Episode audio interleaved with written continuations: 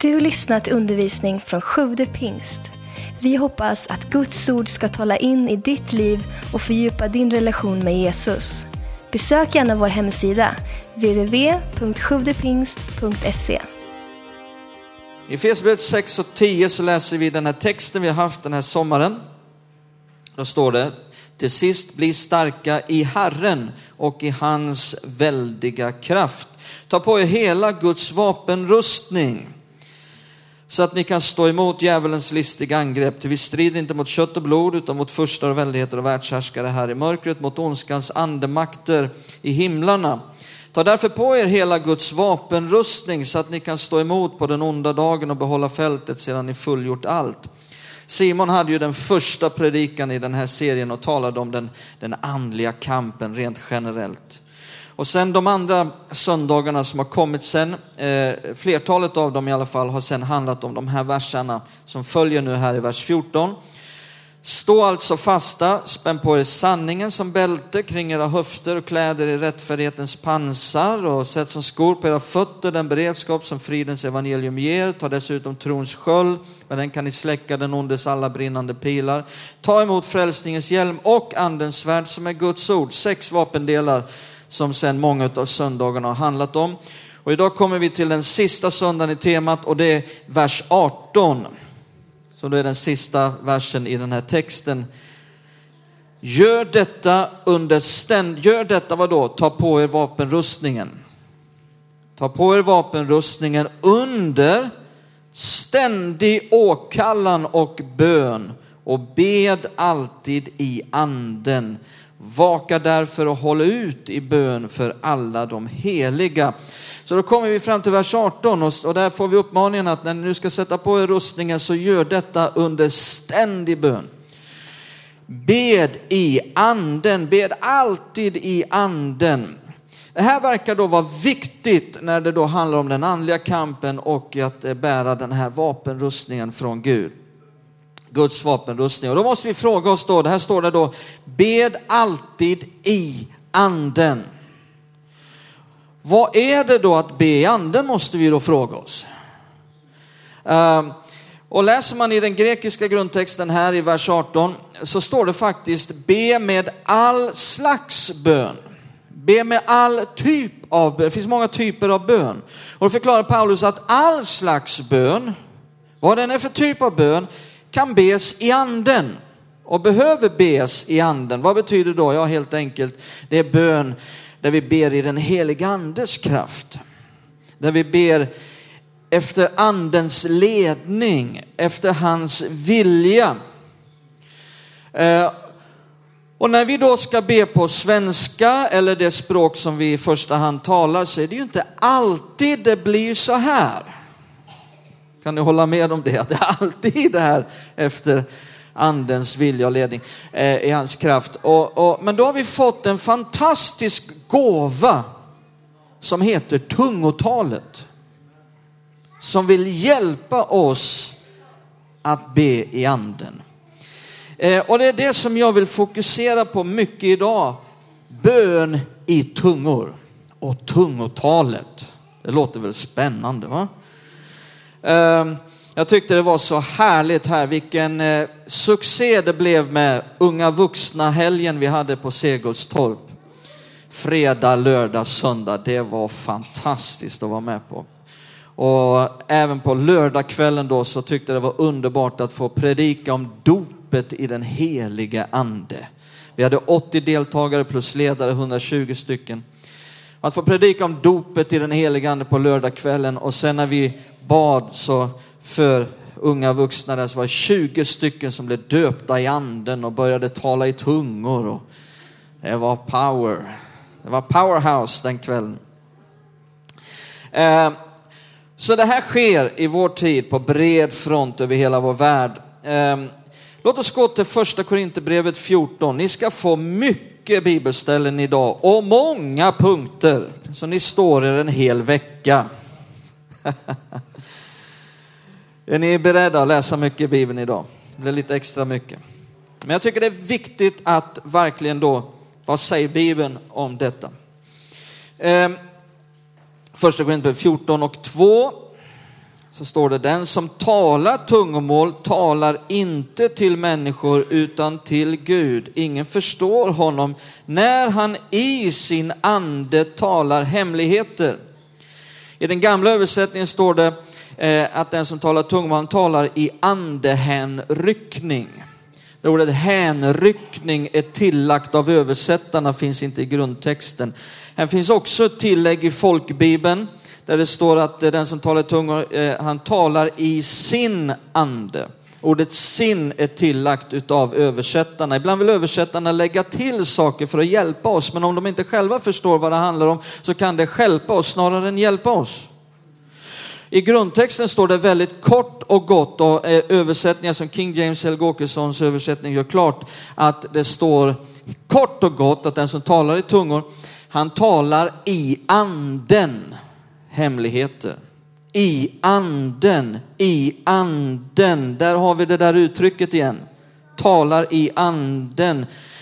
Vem är det som talar i anden? Jo, den som talar i tungor. Som jag då ber i tungor, då ber jag följaktligen i anden. Är ni med på det? Och det blir ännu tydligare om vi går fram till vers 14. Titta i vers 14. Ty om jag talar tungomål när jag ber, så ber min ande, men mitt förstånd bär ingen frukt. Det finns en intressant engelsk översättning som heter Amplified version, som, vill, eh, eh, som översätter så här väldigt korrekt eh, i vers 14. Ty om jag talar tungomål när jag ber, så ber min ande, genom den helige ande som bor i mig. Det är alltså den helige ande som ger ingivelsen och du talar eller ber i tungor. Ehm, så bön i anden är bön i tungor. Paulus sa bed alltid i anden. Bön i anden är bön i tungor. Nu säger jag inte att det är allt vad bön i anden är. Men när du ber i tungor så är det bön i anden. Hängde du med på det? Bön i anden kan vara mer än bön i tungor. Men när du ber i tungor ber du alltid i anden. Det är en fantastisk gåva. Ehm, och, och vad är det då som gör att bön i anden och bön i tungor blir en sån viktig del i den andliga kampen och i detta med Guds vapenrustning. Eh, det är det här som jag vill ställa som huvudfrågor idag. Vad är syftet med tungor? Är det för att vi pingstvänner ska verka lite märkliga och bete oss på konstiga sätt? Nej, det finns tydliga syften. Varför tungotal? Varför ska vi be eller tala i tungor? Det vill jag fokusera på. Här kommer första punkten. Att bön i tungor hjälper oss att be för det okända. Titta i nästa vers, vers 15. Första Korintierbrevet 14, vers 15. Vad innebär nu detta? Ja, det är det vi frågar oss då. Vad innebär nu detta? Jo, jag vill be i anden och jag vill också be med förståndet. Jag vill lovsjunga i anden och jag vill också lovsjunga med förståndet. Här gör Paulus en skillnad mellan att be med förståndet, den förståndsmässiga bönen, och bön i anden. Vad är då skillnaden? Ja, den är väldigt enkel. Bön med förståndet är på ett språk jag förstår. Jag kan be på svenska med förståndet.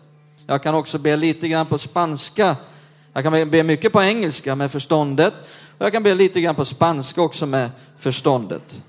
Kan i alla fall tacka Gud för maten på spanska. Gracias a Dios por este comida. Gloria a Dios, halleluja. Sen är det inte säkert jag kan be så jättemycket mer. Men du kanske kan be på finska, swahili, farsi, arabiska, många andra språk. Eh, Bön i anden då, det är på ett språk jag inte förstår. Som jag inte har lärt mig. Eh, ett annat språk som jag inte kan, det är bön i anden. Eh, och det är detta som tungotal handlar om, språk. Tungotal kommer ju av det ordet tungomålstalande. Det kommer av ordet tungomål, ett gammalt svenskt ord för språk. Det är vad det betyder. Så tungomålstalande eller tungotal betyder tal på språk. Det är det det betyder. Eh, men här handlar det mer konkret om ett språk jag inte lärt mig, som jag inte kan. Ett språk som kanske finns på jorden någonstans, eller som har funnits någon gång och inte finns längre. Bibeln talar också om änglars språk. Har ni läst det någon gång? Änglars tungomål. Eh, så i den andliga kampen då, både i församlingen och privat och enskilt, så blir bön väldigt viktigt. Kan du hålla med om det? Varför då? Därför att bön förlöser Guds kraft. Bön förlöser Guds möjligheter. Därför blir bön väldigt viktigt. Men så ofta i så många kyrkor och sammanhang så har man försökt att klara av den här kampen med enbart den förståndsmässiga bönen. Och då kommer man så till korta. Sitt inte där och se så intelligent ut, du vet vad jag pratar om. Alltså, vi vet inte alltid vad vi ska be. Eller med förståndet så förstår vi inte att be på det sätt som det behöver bli bett just nu. Bara här nu när bönämnena lades fram efter lovsången, att be för en man som har tappat tron. Då tänker jag genast, vad ska jag rätteligen be? Och så ser jag till Guds ande och säger hjälp mig på ett språk jag inte förstår så att det blir bett här. Precis så som det behöver bli bett. Så ber jag med förståndet och sen växlar jag över till tungotal och ber för den här mannen på ett sätt där mitt förstånd inte hänger med. Det handlar om att din ande, det är en fantastisk gåva. Det blir en enorm resurs i bönen. Eh, som tar oss bortom vårt förstånd. Och det handlar om att människans egen ande genom den helige ande direkt kommunicerar med Gud angående saker som vårt förstånd inte hänger med på. Titta här i Romarbrevet 8 ska vi se det ännu tydligare. Romarbrevet 8, vers 26. Oj. Romarbrevet 8, 26 så hjälper också anden oss. Är du glad för det? I vår svaghet. Vad är då vår svaghet? Jo, det står, ty vi vet inte vad vi bör be om. Men anden själv ber för oss med suckar utan ord. Här finns mycket att gräva jag ska inte ta allt här den här söndagen, men bara detta så hjälper också anden oss i vår svaghet. Ty vi vet inte vad vi bör be med. Här ser vi också skillnaden mellan den förståndsmässiga bönen och bönen i anden. Ser ni det? Efter vårt förstånd vet vi inte alltid vad vi bör be om. Men anden kommer vår svaghet till hjälp och ber. Genom och tillsammans med oss. Jag ska inte gå in i grundtexten men där står det tillsammans. Tillsammans kommer fram det. Så vad vi bör be om det vet vi inte, men anden kommer denna svaghet till hjälp. Eh, jag minns väldigt tydligt för väldigt många år sedan. Det var runt jul, jultid 1989. Jag befann mig i Minneapolis i USA. Jag och en kompis, vi skulle bila 18 timmar upp till Edmonton och fira jul. Först åkte vi till en, en jättestor kyrka som finns, en fantastisk församling med en gigantisk byggnad. Och vi ville bara strosa runt och kolla in läget där och det var inget möte. Så kommer vi upp på andra våningen, där fanns ett stort bönerum. Ungefär som en, en, en fjärdedel av kyrksalen här. Ett stort bönerum, kanske lite mindre. Eh, och så kunde man börja knä längs väggarna där. Så vi tänkte, ja men innan vi åker iväg nu så ska vi be. Så vi skulle bara be för resan och så här. Och när vi böjde våra knän där så kom en sån här bönevånda över mig, en bönenöd. Det brukar de tidiga pingstpionjärerna för hundra år sedan prata mycket om. Att be igenom, bära bönevånda, bönenöd. Och jag visste inte vad det gällde. Men det kom en vånda över mig över någonting. Det var någonting, en andlig upplevelse. Och jag sa helig ande, jag vet inte vad det gäller. Men ge mig ord på ett språk jag inte förstår så att jag, det blir bett här som det behöver bli bett. Och så börjar jag be med förtröstan på den helige ande att ge mig ingivelse i tungor. Och när jag hade bett bara en liten stund så får jag en förvissning. Jag bara vet lika mycket som jag vet mitt namn. Jag bara, som, som om jag hörde, fast jag hörde inte, men ändå hörde jag på något konstigt sätt. I min ande, bilolycka, bilolycka, bilolycka. Jag visste det handlade om en bilolycka och tänkte, här, oj, här ska vi åka 18 timmar till Edmonton på vintriga vägar och nu är det bäst jag ber ordentligt. Och, så jag bad i tungor och, och eh, allt eftersom våndan och nöden blir mer och mer intensiv, ju mer intensivt blev tungotalet. Det pågick kanske i 45 minuter, jag vet inte. Jag tappade eh, medvetenhet om, om tid och rum. Men plötsligt efter 45 minuter så bara försvann den här bönebördan, den här bönevåndan. Och det var som att bara be igenom. Som de tidiga pingstpionjärerna talade om, be igenom till segerförvissning. Och jag bara visste att jag visste, det är klart, det är färdigt. Gud har gripit in, vad den var. Eh, och vi var kvar, jag tackade Gud en, en, en stund för att han hade gripit in, vad den var, vad den gällde. Vi åkte iväg, ett halvår senare kom jag hem till Sverige. Det första jag gör är att besöka mina föräldrar i Hällefors, kommer in och går och sätter mig i köket och pappa sätter sig vid andra sidan bordet. Och det, för, han vill ju, det som ligger överst, han vill berätta någonting som jag inte visste. Han säger Sven, för ett halvår sedan vid jultid så var jag med om något märkligt. Jag och en annan man, vi kom åkande och jag satt bredvid, den andra körde och så kommer vi till en korsning här i Hällefors och jag kör, han kör ut. Och från höger sida kommer ett, ett vilt ungdomsgäng farande i hög fart. Och smäller rakt in i vår bil. I hög hastighet. Vår bil slår flera volter i luften och pang ner i diket. Dörren där jag satt trycktes in över mig. Och jag lyckades ta, krångla mig ur där utan den minsta skråma. Jag hade inte ont någonstans, jag hade inget, inget märke, ingenting. Det var som inget hade hänt, säger han. Och, och när jag kommer hem, jag hänger av mig kavajen. När jag gjorde det, då bara rasade glassplitter och täckte golvet under kavajen. Men inte ett glassplitter träffade mitt ansikte. Tror du jag hade änglavakt? Då förstod jag. När jag var vid samma tidpunkt i Minneapolis och bad. Hur skulle jag kunna ha bett med förståndet? Den förståndsmässiga bönen kommer ofta till korta. Men den helige ande som bor i mig var också där och visste vad som hände där. Och jag var tillgänglig i bön och han kunde använda mig för att jag var tillgänglig. Tack och lov för den helige ande. Oj, vilka resurser, oj, vilka möjligheter. Det här bönerummet som vi, vi bad i var tillägnat en, en bönemänniska som hette Phil Halverson.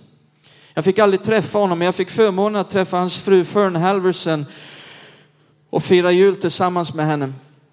Eh, och, och de, han var predikant den här Phil Halverson, eh, men han var mer känd för sitt böneliv. Eh, stora gudsmän och gudskvinnor kunde åka flera hundra mil bara för att be tillsammans med honom. Han eh, besökte Sverige i början på 80-talet på någon eh, predikoresa.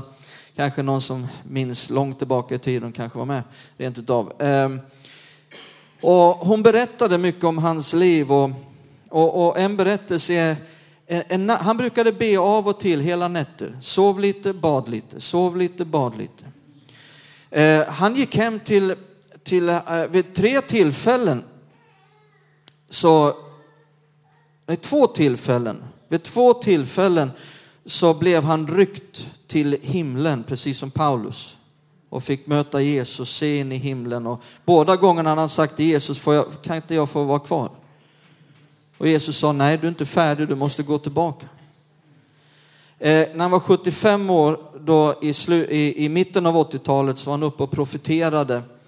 Och han brukar bli som förlorad i anden, ibland så bara försvann han. Och sen kom han tillbaka och fortsatte att profetera. Eh, eh, eh han hade ett otroligt liv med Gud.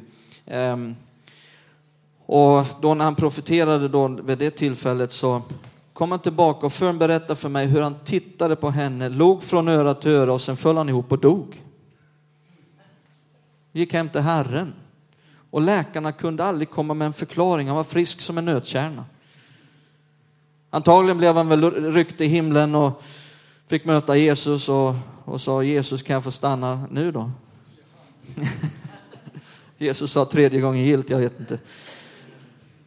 Men vid ett tillfälle när han bad en natt så började han höra sig själv be på engelska. Men han förstod inte vad det var han bad. Så var fortfarande bortom hans förstånd. Det var så mycket i den helige andes kraft, den helige andes ledning och vilja. Han hörde sig själv be för en man som hette Donald Oman, men han hade aldrig träffat någon som hette Donald Oman och kände ingen som hette Donald Oman. Men han bad att Gud skulle gripa in i Donald Omans liv. Och plötsligt hör han sig själv ge en kraftfull befallning. I Jesu Kristi Nazarens namn, Donald Oman, lev! Lev och fullborda det verk jag kallat dig till. Och då väckte han sin fru och, och, och och sen tackade de Gud. Guds härlighet fyllde deras sovrum och de tackade Gud att, att eh, Gud ville gripa in i någons liv som hette Donald Omen. Tre månader senare så skulle han predika i en kyrka. Innan mötet så går en kvinna runt med böneämnen och lappar. Och de läser på den här lappen så läser de Donald Omen, de ska be för Donald Omen. Så de ropar på henne och frågar, vem är den här Donald Omen? De blir nyfikna. Och hon sa, jag, jag, jag, vet inte så mycket om hans liv, men hans svärmor är här på, på gudstjänsten, ni kan prata med henne. Efter gudstjänsten gick de till svärmor och hon förklarade då att han var missionär till Libanon. Och eh, hade, hon berättade för en tid sedan så var han dödligt sjuk och låg på dödsbädden. Och han svävade mellan liv och död. Ibland trodde de han var död, ibland så, men så levde han i alla fall. Och, men så berättade hon eh, att det hände något märkligt också för att han, han dog. Och de dödförklarade honom och hans fru var så förtvivlad så hon satt över dödsbädden och bara ropade Rädda min man, rädda Don, Gud rädda Don, ropade hon.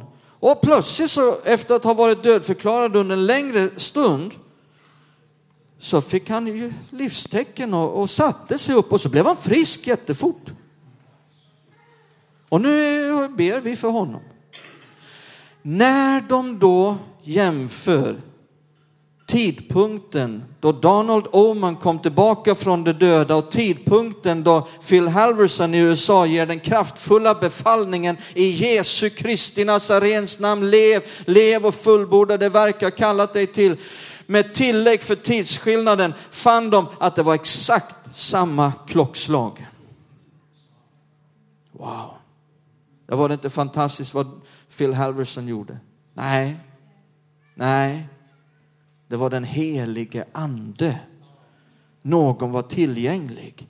Vi kan alla få vara med om fantastiska eh, saker tillsammans med den helige ande. Eh, så vi, eh, det hjälper oss att be för det okända, bön i tungor. Eh, den andra, här kommer ytterligare ett syfte, ger andlig uppbyggelse. Vi ska ta några punkter ganska snabbt utan att säga så mycket, men vi bara läser första Korinthierbrevet 14 och 4.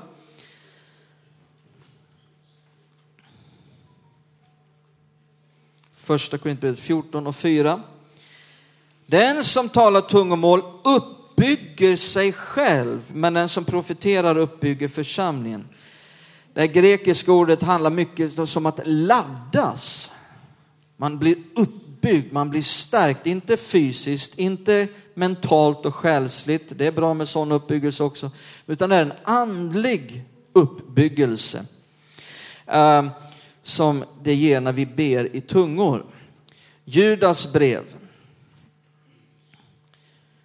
Judas brev, den 20 och 21 versen. Men ni mina älskade skall uppbygga varandra på er allra heligaste tro. Be i den helige ande. Då har vi där uttrycket igen, be i anden eller den helige ande. Det ger uppbyggelse andligen. När du känner att du behöver bli uppbyggd andligen så kan du få gåvan att be i tungor.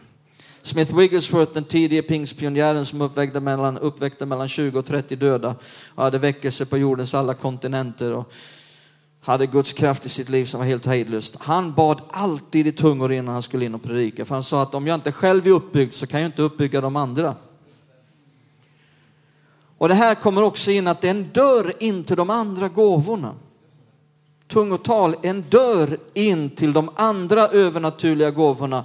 Just för detta att det bygger upp dig själv och då har du lättare att flöda i de andra gåvorna. Eh, ytterligare ett syfte med tungotal. Varför tungotal? Det ger andlig vederkvickelse och fräschhet.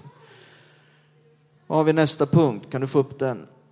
Ger förnyad kraft och fräschhet. Jag tänkte vederkvickelse, vad, vad, ett, vad, vad mer kan man säga? Förnyad kraft är ju vad vederkvickelse betyder. Titta här nu i första Korinthierbrevet 14. Första Korinthierbrevet 14. Igen då.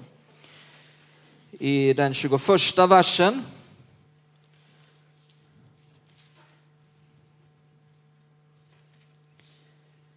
Det står skrivet i lagen, Gamla Testamentet, genom folk med främmande språk och främmande läppar ska jag tala till detta folk och inte ens då ska de lyssna till mig, säger Herren. Paulus citerar här i kontexten av tungotal ett Jesaja.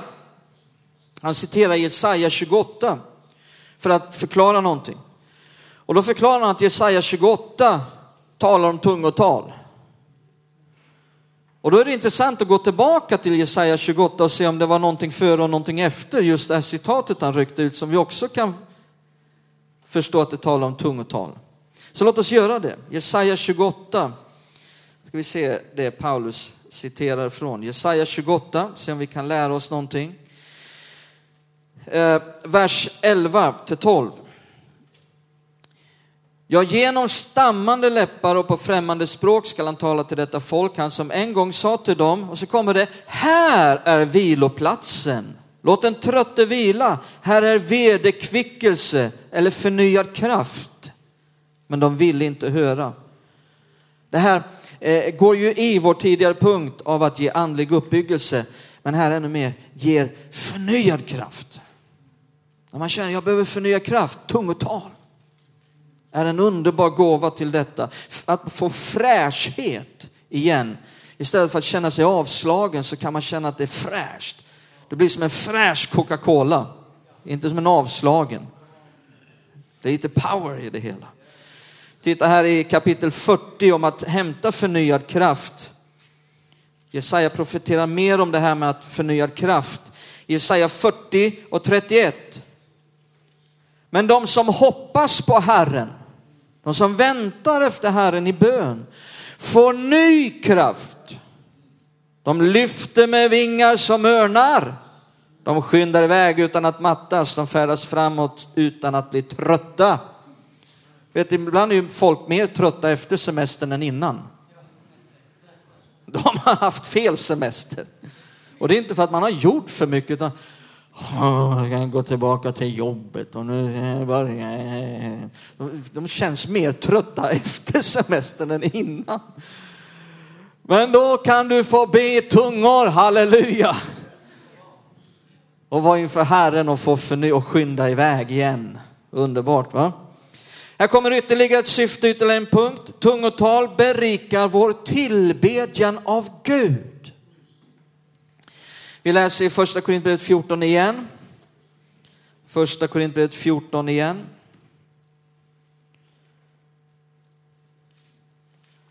Eh, vers eh, 15 till 18. Då står vi där som, eh, nej fel kapitel. Eh, vad innebär nu detta? Jo, jag vill be i anden, jag vill också be med förståndet. Jag vill lovsjunga i anden. Tänk vad underbart det är att få lovsjunga i tungor. När man känner att man bara känner att man är överväldigad av kärlek till Jesus.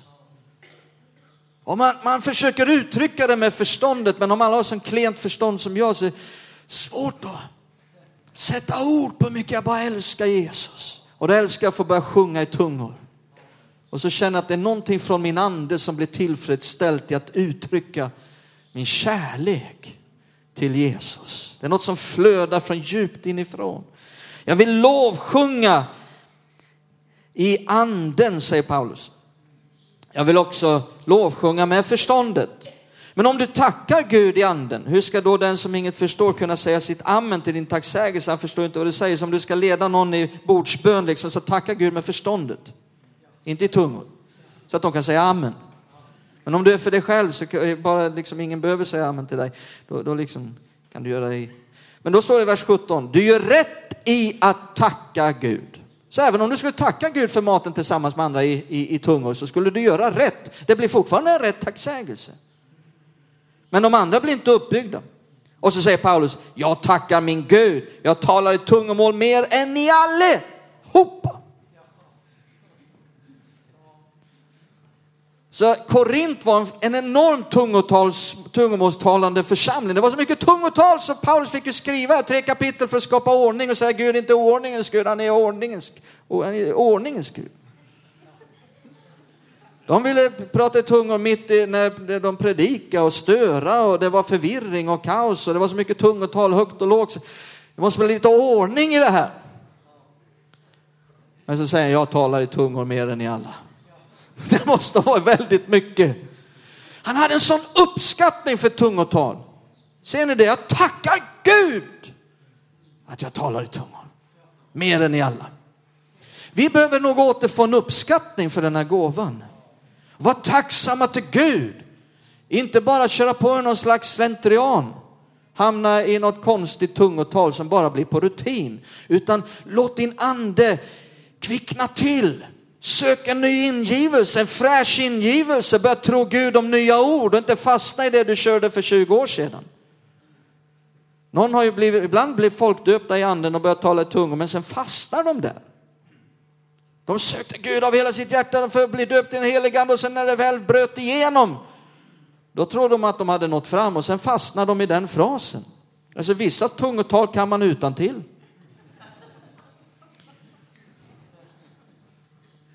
Nu ser jag ni skrattar nervöst. Jag kommer ihåg min bibelskolekompis där i USA. En kompis jag hade. Jag kunde hans tungotal utan till. Kan det fortfarande. Chapfrabe gabre bregen de nadelem. Det körde han hela tiden. Det betyder säkert någonting. Det gör det. Jag vet på Hjälmargården, en konferens, där var det också en sån här, han körde alltid samma när det blev hett i mötena. Då ställde han sig upp och så körde han sin mening. Alla kunder utan till. Ens en gång var det med en människa från Afrika.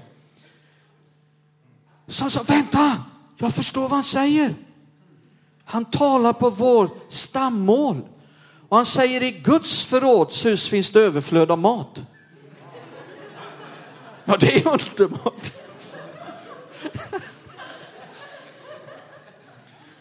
Men det finns ju mer.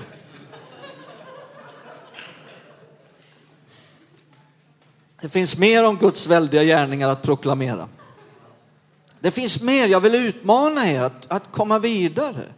Söka ny ingivelse, betro Gud. Varje gång du ska be i tungor, låt det vara som när du först blev döpt i en helig ande, att du sökte, du försökte lyssna in, du försökte släppa loss, hålla kvar, komma in, komma ut eller vad, ha samma inställning.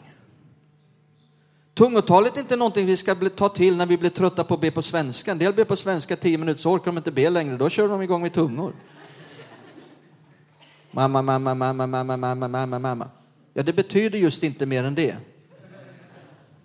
Det är, inte någon, det är inget mer att tro att det har en enorm betydelse i anden.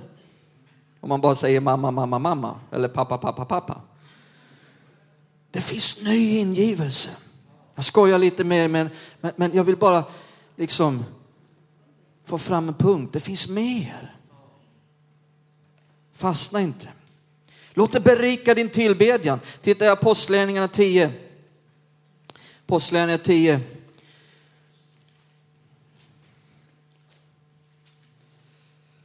Och så står det 44 till 46.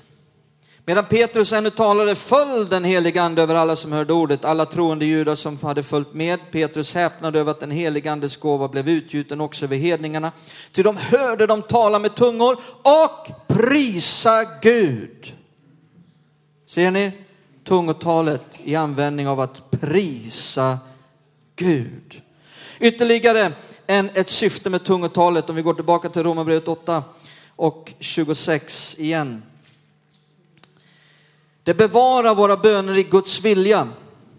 Romarbrevet 8, 26. Så hjälper också anden oss i vår svaghet. Vi vet inte vad vi bör be om, men anden själv ber för oss med suckar utan ord. Och han som utforskar hjärtan vet vad anden menar, eftersom han ber för de heliga så som Gud vill.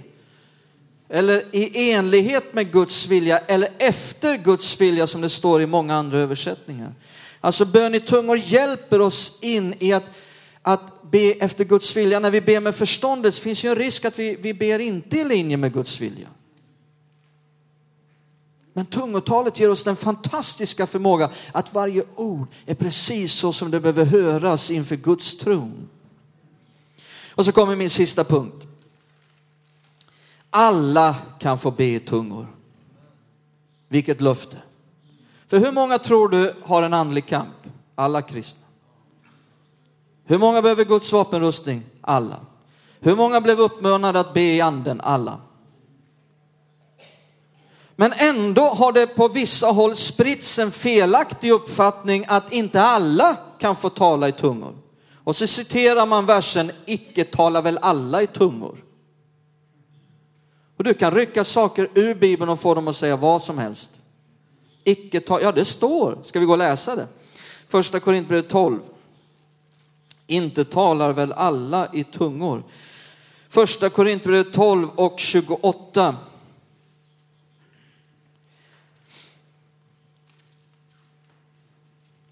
Första Korintierbrevet 12 och 28. Gud har i sin församling för det första satt några till apostlar, för det andra några till profeter, för det tredje några till lärare, vidare några vidare andra till att utföra kraftgärningar, andra till att få gåvor att bota sjuka, till att hjälpa, att styra och att tala olika slags tungomål.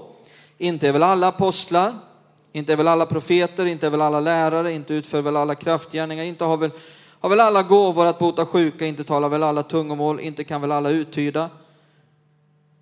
Och här ställer då Paulus retoriska frågor och det givna svaret på dessa retoriska frågor är nej. Eller hur? Inte är väl alla apostlar? Nej. Inte är väl alla profeter? Nej. Inte är väl alla lärare? Nej. Inte utför väl alla kraftgärningar? Nej. Inte har väl alla gåvor att bota sjuka? Nej. Inte talar väl alla tungomål? Nej. är ju det givna svaret. Men vänta lite. I vilken kontext står denna fråga? Det står i en kontext av offentliga tjänster i församlingen för att betjäna människor. Det första Paulus gör är att använda uttrycket i församlingen. Och då är det lika med det offentliga, till andra människor, bland andra människor. Och in, de här tjänsterna, apostlar och så vidare, det finns en offentlig tjänst av att ge budskap i tungotal. Och inte alla har den tjänsten. Att eh, ge ett offentligt budskap i tungotal där samma person eller någon annan uttyder. Och då säger Paulus förklarar i kapitel 14 att tungotal med uttydning som ett budskap till människor får samma värde som profetia och talar till människor uppbyggelse, förmaning och tröst. Och den tjänsten har inte alla. Det är viktigt att se i kapitel 12, 13 och 14 här att Paulus skiljer mellan den offentliga tjänsten, det offentliga användandet av tungor och det privata användandet utav tungor. Och förklarar att inte alla har den offentliga tjänsten eller användandet utav tungor, men alla kan få ha det privata. Och ser man inte att han gör den skillnaden hela tiden, går in och ur de här två sakerna så blir man förvirrad i de här verserna. Titta i kapitel 14, vers 5. Kapitel 14, vers 5. Jag önskar att ni alla skall få tala tungomål. Det är lika med att Gud önskar. Det här var vad Paulus ville, att de alla skulle tala i tungor. Du kan få tala i tungor. Titta i, i också 27 och 28 så ser vi detta dubbla, det offentliga och det privata. Vers 27 och 28.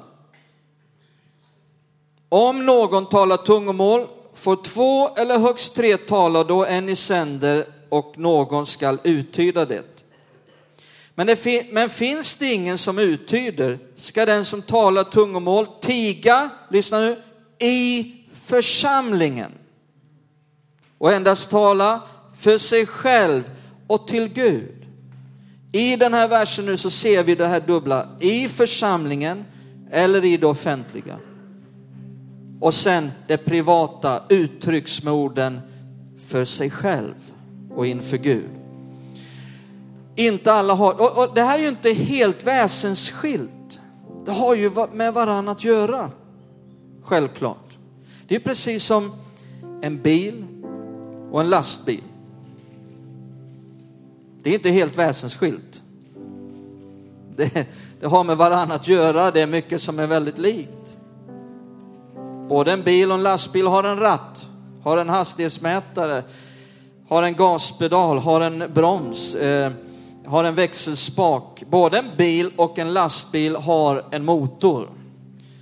Både en bil och en lastbil har en, en växellåda, har däck. Men bara för att du kan köra en bil betyder inte att du kan köra en lastbil. Eller hur? Så bara för att du har tungotal i det privata och alla, jag vill att ni alla ska få tala i tungor. Bara för att du har det i det privata betyder inte att du har det den offentliga tjänsten. Du kan söka den och du kan få den. Men alla. Varför, var, det skulle vara så dumt av Gud och förklara att vi har alla en andlig kamp och vi behöver alla be i anden. Men det är bara några få som ska få tungotalet. Det har väldiga syften, det är en fantastisk gåva. Och ni behöver den egentligen alla, men det är bara vissa som ska ha den. Det hänger inte ihop. Nej, du kan få be i tungor. Du kan få söka det, du kan få det. Tack för att du lyssnat. Glöm inte att du alltid är välkommen till vår kyrka. Du hittar mer info på www.sjuvdepingst.se